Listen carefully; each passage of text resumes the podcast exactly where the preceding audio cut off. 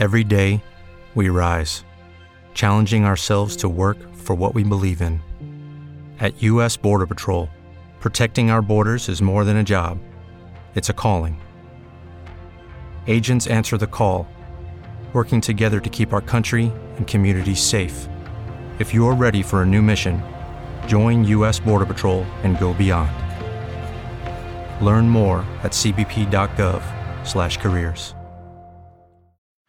To jest Ekspres Biedrzyckiej, podcast Super Ekspresu. Mocne pytania i gorące dyskusje z najważniejszymi osobami świata politycznego. Dzień dobry, tu Kamila Biedrzycka. Witam Państwa ze studia Super Ekspresu. Zapraszamy na Ekspres Biedrzyckiej, podcast Super Ekspresu. Państwa gościem Ryszard Sznepf, były ambasador Rzeczypospolitej m.in. w Stanach Zjednoczonych. Dzień dobry panie ambasadorze. Dzień dobry. Spadł panu kamień z serca, kiedy usłyszał, że Joe Biden już oficjalnie ogłasza e, walkę o reelekcję, czy raczej uważa pan, że to nie jest dobry pomysł, że jednak demokraci powinni postawić na kogoś innego, ze względu chociażby, no brutalna, ale to fizjologia na wiek? Trochę kamień spadł z serca rzeczywiście. E, chociaż całkowicie tak e, będę spał spokojniej, kiedy Joe Biden wygra te wybory, a do tego jeszcze no, Długa półtora, droga. półtora roku, prawda, brakuje. Ja myślę, że te kontrowersje odnoszące się e, do wieku Joe Bidena, zresztą Donald Trump, jeżeli będzie jego kontrkandydatem, też tak bardzo wiele nie odbiega, chociaż swoją postawą pokazuje, że jest może bardziej energetyczny. E, To nie odgrywa tak istotnej roli, jak sądzę, w tej chwili w wyborach amerykańskich, ponieważ Ameryka tęskni za stabilnością przede wszystkim. Ale panie ambasadorze, kiedy patrzymy na badania e, i to wszyscy amerykaniści podkreślają, nawet we wczorajszych komentarzach, no to panowie idą, potocznie rzecz ujmując, łeb w łeb, że to wcale nie jest takie oczywiste, że e, Biden ma przewagę nad e, Trumpem, że ta sytuacja no, zmienia się na korzyść e, republikanów ewidentnie i że to będzie bardzo trudny wyścig i bardzo trudny spór kampanijny, tym bardziej wracając do tego wieku, że republikanie, no, jak sądzę, będą często ten wiek, formę e, i intelektualną, i fizyczną Bidenowi wypominać, a wiadomo, że no, on miewał już problemy, prawda, w tej kwestii, więc czy to pana zdaniem nie będzie problematyczne, ale już tak naprawdę problematyczne w tej kampanii dla Bidena? Bardzo wiele wątków e, e, Tak. pani redaktor poruszyła. Powolutku, całym, po kolei. Z całym szacunkiem dla moich koleżanek i kolegów Tak. amerykanistów. Myślę, że to jest widzenie dosyć powierzchowne. Mhm. Znaczy takie patrzenie na sondaże, że generalnie rzecz biorąc Amerykanie nie chcieliby ani, ani e, Donalda Trumpa, ani, ani Joe Bidena. Ale ten wybór nie jest taki duży. Znaczy okazuje się dzisiaj, że to są najbardziej wyraziste dwie postaci. E, nawet jeżeli nie ma się sympatii i to jest zrozumiałe dla Donalda Trumpa, bo popełnił wiele, wiele mm, grzechów powiedzmy, a jeszcze niektóre do, wyjdą dopiero e, do, do sfery publicznej, to jednak e, stosunek generalnie Amerykanów do kwestii wieku senioralnego jest zupełnie inny niż w Polsce. Po pierwsze, y, Amerykanie dość, do dość późnego wieku są bardzo aktywni y, w biznesie, w polityce, w życiu zawodowym, fizycznie też.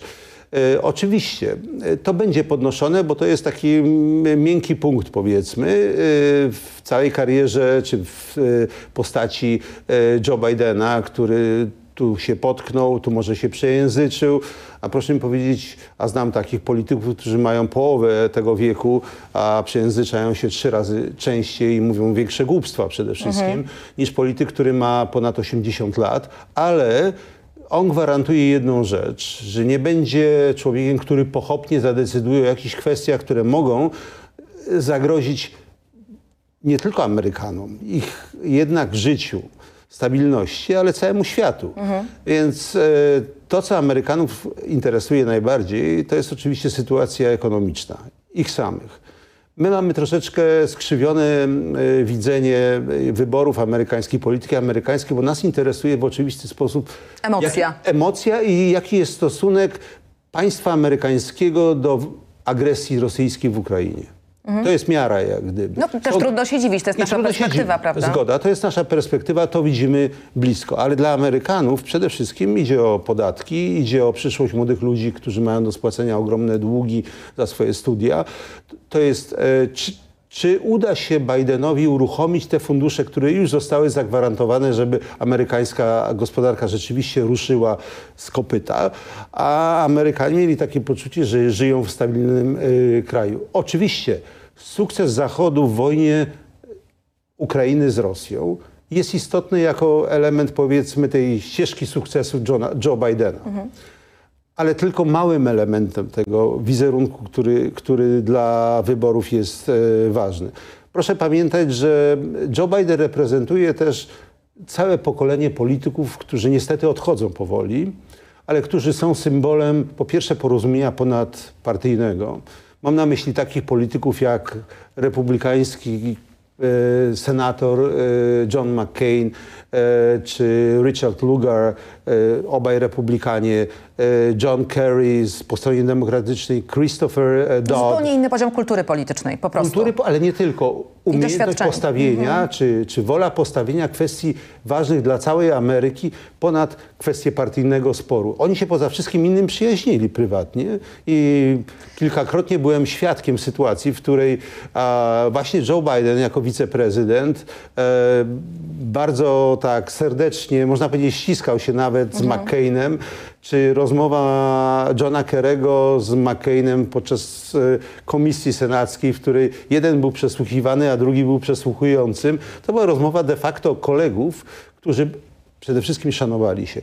Ameryka tęskni za tą polityką, ale jeżeli dzisiaj w tych sondażach wynika, bo ja znam te wyniki, że uważają e, Amerykanie, że może nie powinien ani, ani e, Biden, ani Trump e, kandydować, to wynika to z tego, że Amerykanie nie chcieliby podwtórki z ostatnich wyborów. A powinniśmy przypomnieć sobie, że to się kończyło skandalami, zarzutami o to, że są fałszowane, ogromnym wzrostem agresji, która, jak pamiętamy, zakulminowała 6 stycznia atakiem no, bezprecedensowym, pre- bezprecedensowym zupełnie na Ale- y, świątynię demokracji amerykańskiej. Panie ambasadorze, tylko teraz przy okazji tego przesłuchania Trumpa to było nawet już nie wezwanie do podobnych działań jak wtedy, 6 stycznia na Kapitolu, ale w ogóle do jakiejś, jakiejś formy wojny domowej. Więc ja się zastanawiam, co tak naprawdę w tej kampanii amerykańskiej może się wydarzyć, jeżeli rzeczywiście dojdzie do starcia e, Biden-Trump, albo inaczej, zostawmy Bidena, jeżeli Trump wystartuje. Y, ja myślę, że Trump wystartuje. Bo ma jeszcze dwoje, e, rozumiem, na razie kontrkandydatów wśród republikanów, ale e, Nikki stawia pan, że jednak i, Trump. Mhm. I, i Ron DeSantis, to y, stawiałbym tutaj bardziej na, na gubernatora stanu Floryda, czyli Rona DeSantisa. Który kiedyś pan u mnie powiedział, że byłby trudniejszym przeciwnikiem dla I Bidena. powtórzę to, chciałem Tak. właśnie dodać, że który byłby trudniejszym dla, dla Bidena przeciwnikiem, e, ponieważ łatwiej wygrywa się po pierwsze z kontrkandydatem, z którym już raz się wygrało, to jest pierwsza rzecz. E, I który ma bardzo potężny bagaż jednak e, negatywnych e, gestów, czynów, słów, jest kojarzony z tym, że rozbił Zachód przecież, pamiętajmy o tym. Wyobraźmy sobie tylko, jak wyglądałoby e, wsparcie dla Ukrainy dzisiaj, gdyby ten Zachód był podzielony na fragmenty, gdyby e, Niemcy były w konflikcie ze Stanami Zjednoczonymi, Macron kłócił się bez przerwy z prezydentem Pytanie, czy w ogóle Stany. Zjednoczone byłyby jeszcze w NATO. Oczywiście troszkę Jeżeli- przejaskrawiam, ale przecież Ale- Trump postawił takie... postawił te e, kwestie, więc y, y, trudno nawet sobie to wyobrazić, jak my wyglądalibyśmy, Mhm. jak wyglądałoby nasze bezpieczeństwo, gdyby rzeczywiście Donald Trump był tym prezydentem, A wygrał jeśli wybory. będzie, jeśli wygra, to co? no to będziemy się martwili rzeczywiście.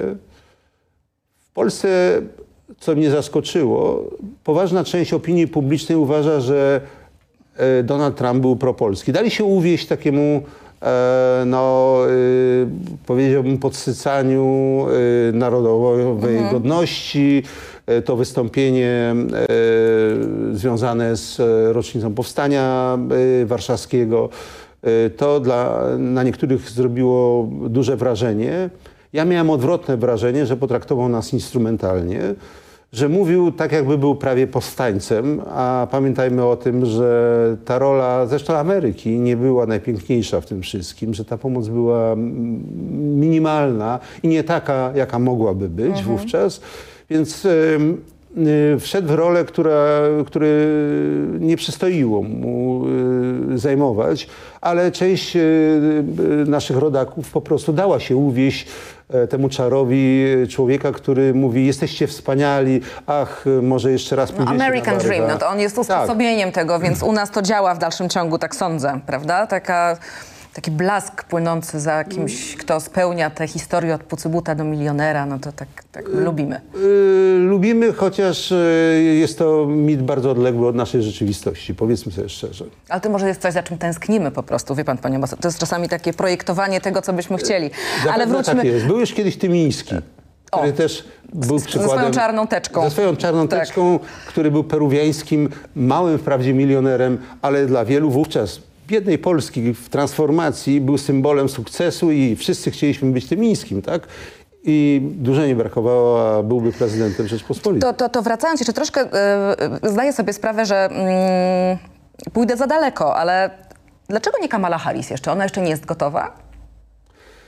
Jest Otóż- wiceprezydentką, tyle lat, wspiera Trumpa bardzo mocno, ma niesamowitą osobowość. Ja os- osobiście Bidena. jestem... e, Bidena, przepraszam. Ja osobiście Tak. jestem zafascynowana tym, jak ona tę tę swoją karierę prowadzi, ale rozumiem, że to jeszcze nie jest moment, tak? Chyba okazuje się też trochę, że nie jest to osobowość, która Uwiedzie wszystko. uwiedzie szeroką publiczność. Aha.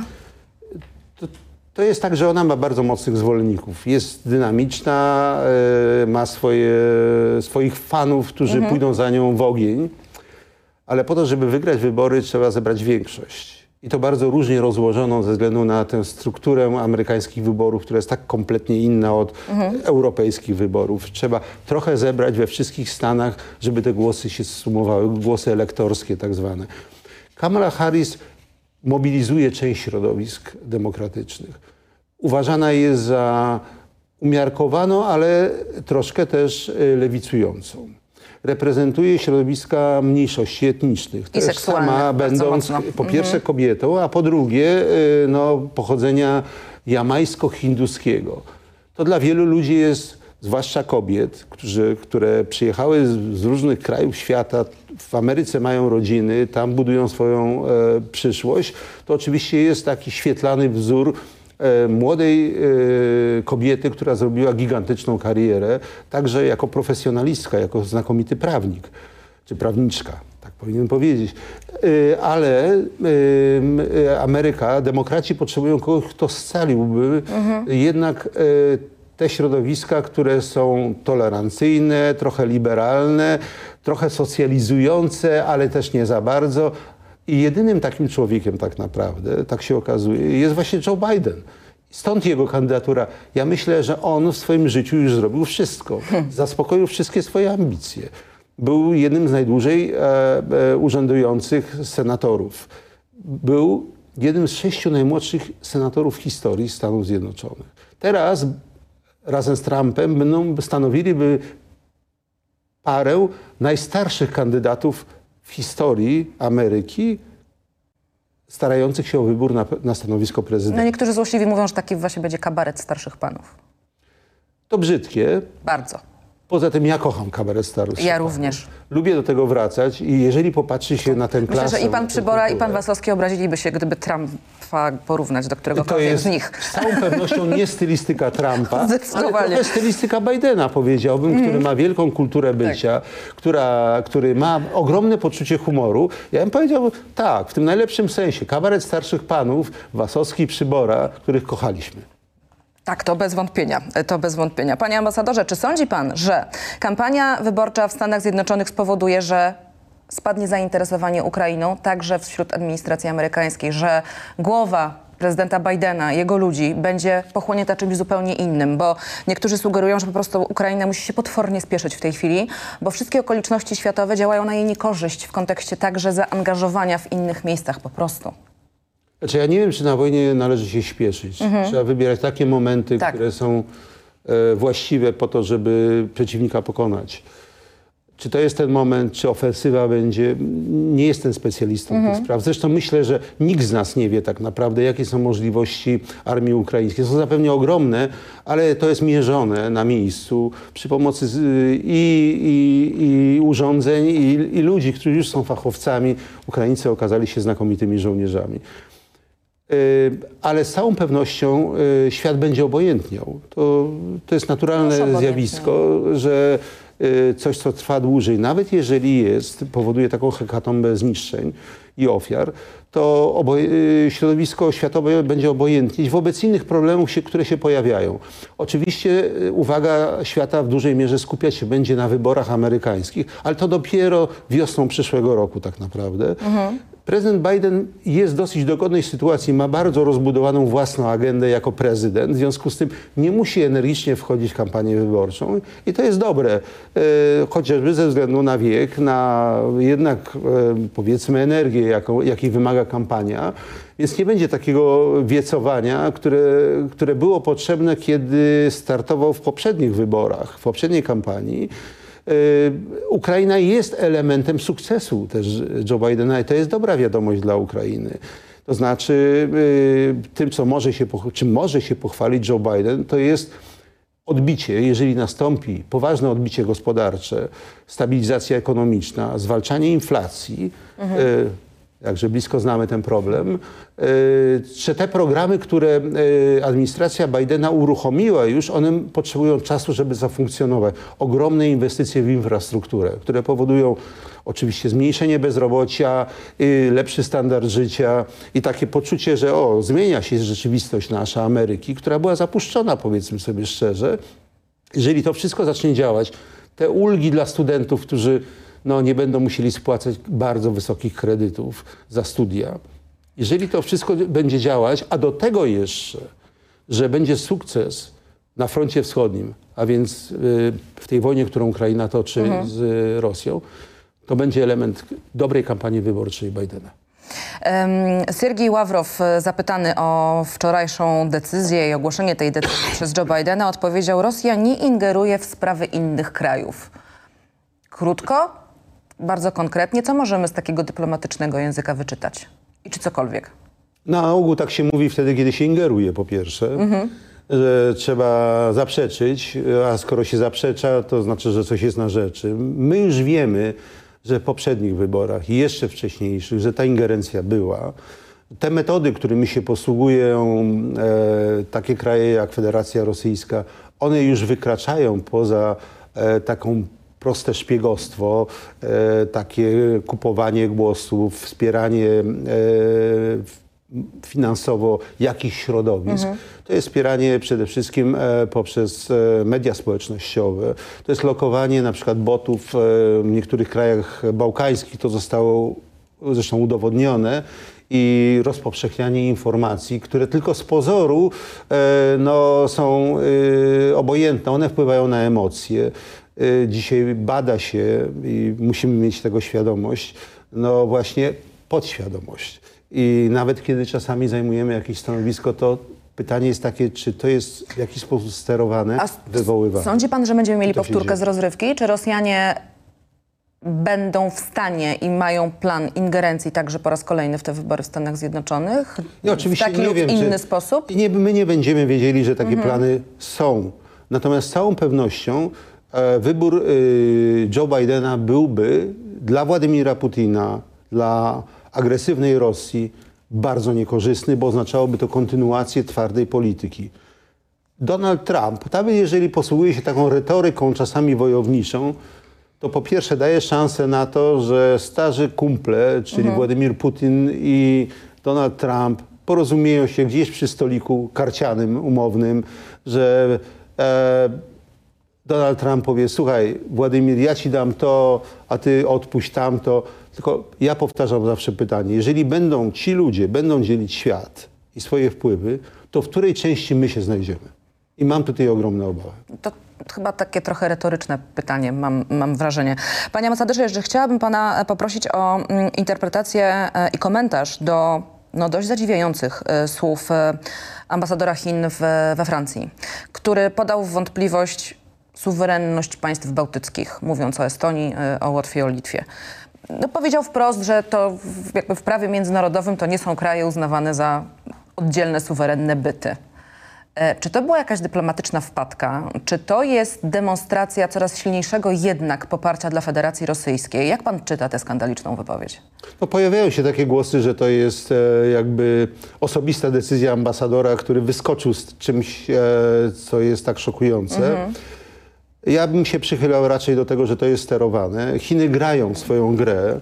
E, Ta gra jest e, dosyć subtelna, to znaczy raz po jednej stronie, raz trochę po drugiej, raz trochę nadziei e, Ukrainie. Pamiętajmy o tym, że prezydent Zeleński mówił o tym, że Ukraina jest gotowa rozmawiać z Chinami, jeżeli Chiny będą, e, zajmą konstruktywne stanowisko. Chiny w jakimś sensie są głównym beneficjentem sytuacji wojny y, w Ukrainie, bo Chiny zaczynają odgrywać rolę no, e, rozgrywającego, a mogą e, udawać przy tym, że są takim brokerem pokoju, to znaczy stać pomiędzy i doprowadzić do jakiegoś nowego ładu światowego, w którym rola Chin będzie znacząco większa niż jest obecnie. Między innymi dlatego, że Rosja będzie słabsza. Dla Chin silna Rosja nie jest dobrą wiadomością, a więc e, Pekin z całą pewnością chciał, żeby Rosja nie tyle została pokonana, ile osłabiona, tak żeby Chiny mogły spokojnie kontrolować dalsze No wydarzenia. dobrze, ale przyzna pan, że to były słowa, które poszły bardzo daleko. Znaczy od razu była oczywiście em, reakcja administracji tych, tych wszystkich krajów bałtyckich. Znaczy ja No rozumiem Francji, podszczypy, wtedy- tak, i- i rozumiem Francji takie wtedy. podszczypywanie, rozumiem mm, granie taką metodą kija i marchewki, e, natomiast pójście tak daleko? Że się za, zabiera suwerenność e, oczywiście retorycznie, ale jednak trzem państwom? No cóż, e, chyba nie tylko trzem zresztą, zdaje się, bo to jest poddanie w wątpliwej w ogóle podmiotowości międzynarodowej wszystkich krajów, które Byłych, wywodzą tak, się... e, republik radzieckich. radzie, by- radzieckich, a które się w, gdzieś tam e, wywodzą z tego terytorium e, e, Związku Radzieckiego. Więc to jest obraźliwe dla większej e, liczby krajów. E, Myślę, że e, bardzo mocno ta zagrywka została e, tutaj rozegrana. E, Jest pytanie w dalszym ciągu, czy to było sterowane, czy to było kontrolowane w jakiś sposób przez MSZ. Ja myślę, że raczej tak. Chińska dyplomacja jest dosyć zdyscyplinowana.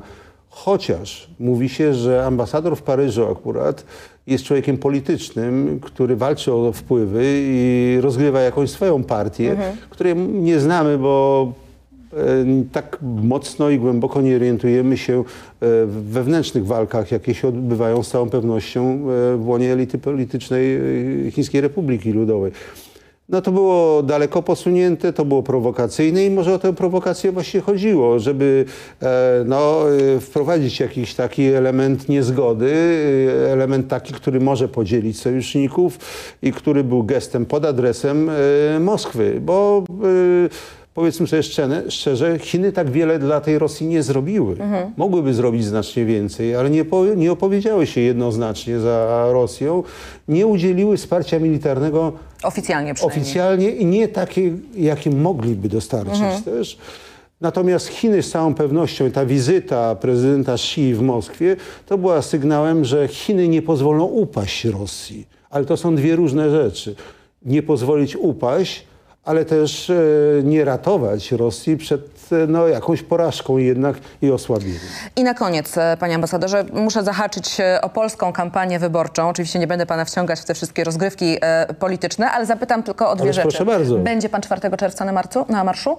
No, nie ma co do tego żadnych wątpliwości, że będę, bo jest to sprawa ważna dla wszystkich obywateli, którym bliska jest demokracja, tolerancja, wolność jednostki, którzy chcą skończyć wreszcie z korupcją, z nepotyzmem, jaki w tej chwili panuje. Ja pytam pana nie bez przyczyny, bo jakiś czas temu były takie bardzo pogłębione badania opinii publicznej dotyczące tego, czego Polacy od kampanii wyborczej oczekują. I tam ku mojemu zdumieniu, szczerze mówiąc, w pierwszej piątce pojawiła się kwestia pozycji Polski w strukturach Unii Europejskiej. E, Czy sądzi pan, że... e, Bo Tego nigdy nie było w kampanii. Kampania zawsze się opierała trochę, tak jak mówiliśmy, na, na, na emocjach, na pieniądzach, na ekonomii, na dodatkach, kiełbas, kiełbasie wyborczej. Ale tutaj nagle ludzie wysyłają sygnał, że nas to interesuje. Czy sądzi pan, że tym ta kampania też się będzie różnić, bo będziemy mówić o naszym miejscu właśnie w strukturach zachodnich w ogóle?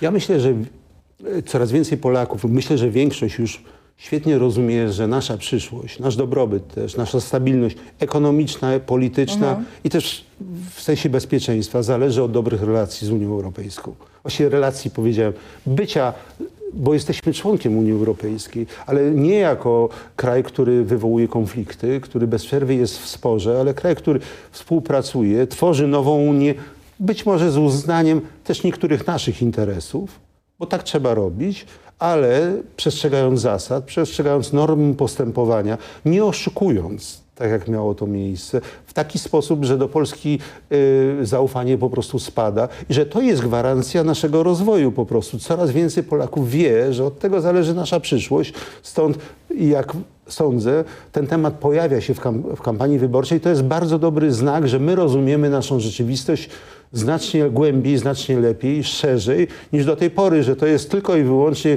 cena kiełbasy zwyczajnej w sklepie, że to jest też cywilizacyjny rozwój, inwestycje w Polsce, nasza praca, ale też nasze bezpieczeństwo. No na razie brak inwestycji, bo pieniędzy europejskich jak nie było, tak Zwłaszcza nie ma i raczej nie będzie. kiedy, no. kiedy tych inwestycji po prostu nie ma. Więc ten temat może być jednym z wiodących motywów i oby tak było, bo to znaczy, że jesteśmy już rozsądnym, dojrzałym narodem. Ryszard Sznepf, były ambasador Rzeczypospolitej m.in. w Stanach Zjednoczonych. Bardzo dziękuję panie ambasadorze za to Dziękuję spotkanie. E, I to wszystko w dzisiejszym Ekspresie Biedrzyckiej. Bardzo, bardzo oczywiście państwu dziękujemy za e, obecność, ale ja mam dla państwa zaproszenie na jutro, bo jutro dość specjalne wydanie naszego programu. Państwa gościem, gościem, moim gościem Ekspresu Biedrzyckiej były, będzie e, były premier, były szef Rady Europejskiej i przewodniczący Platformy Obywatelskiej Donald Tusk. E, Także już państwa na to spotkanie e, zapraszam. O 9.10 startuje nasza rozmowa. Mam nadzieję, że licznie się państwo e, stawią i będą także wysyłać swoje pytania na czacie, jak zwykle. E, Także zapraszam na jutro. Donald Tusk u nas. E, Przypominam raz jeszcze, e, 9.07 program startuje. 9.10 e, rozmowa z Donaldem Tuskiem. Kłaniamy się. Spokojnego, dobrego dnia. Kamila Biedrzycka, Michał Kozłowski, cała ekipa. Do jutra. To był Ekspres Biedrzyckiej, podcast Super Ekspresu. Zapraszam na kolejne spotkanie w Ekspresie Biedrzyckiej. Pozdrawiam bardzo serdecznie. Kamila Biedrzycka. Rozmowę znajdziesz także w Super Ekspresie, w internecie i gazecie. What if you could have a career where the opportunities are as vast as our nation, where it's not about mission statements, but a shared mission? At U.S. Customs and Border Protection, we go beyond to protect more than borders from ship to shore, air to ground. Cities to local communities, CBP agents and officers are keeping people safe.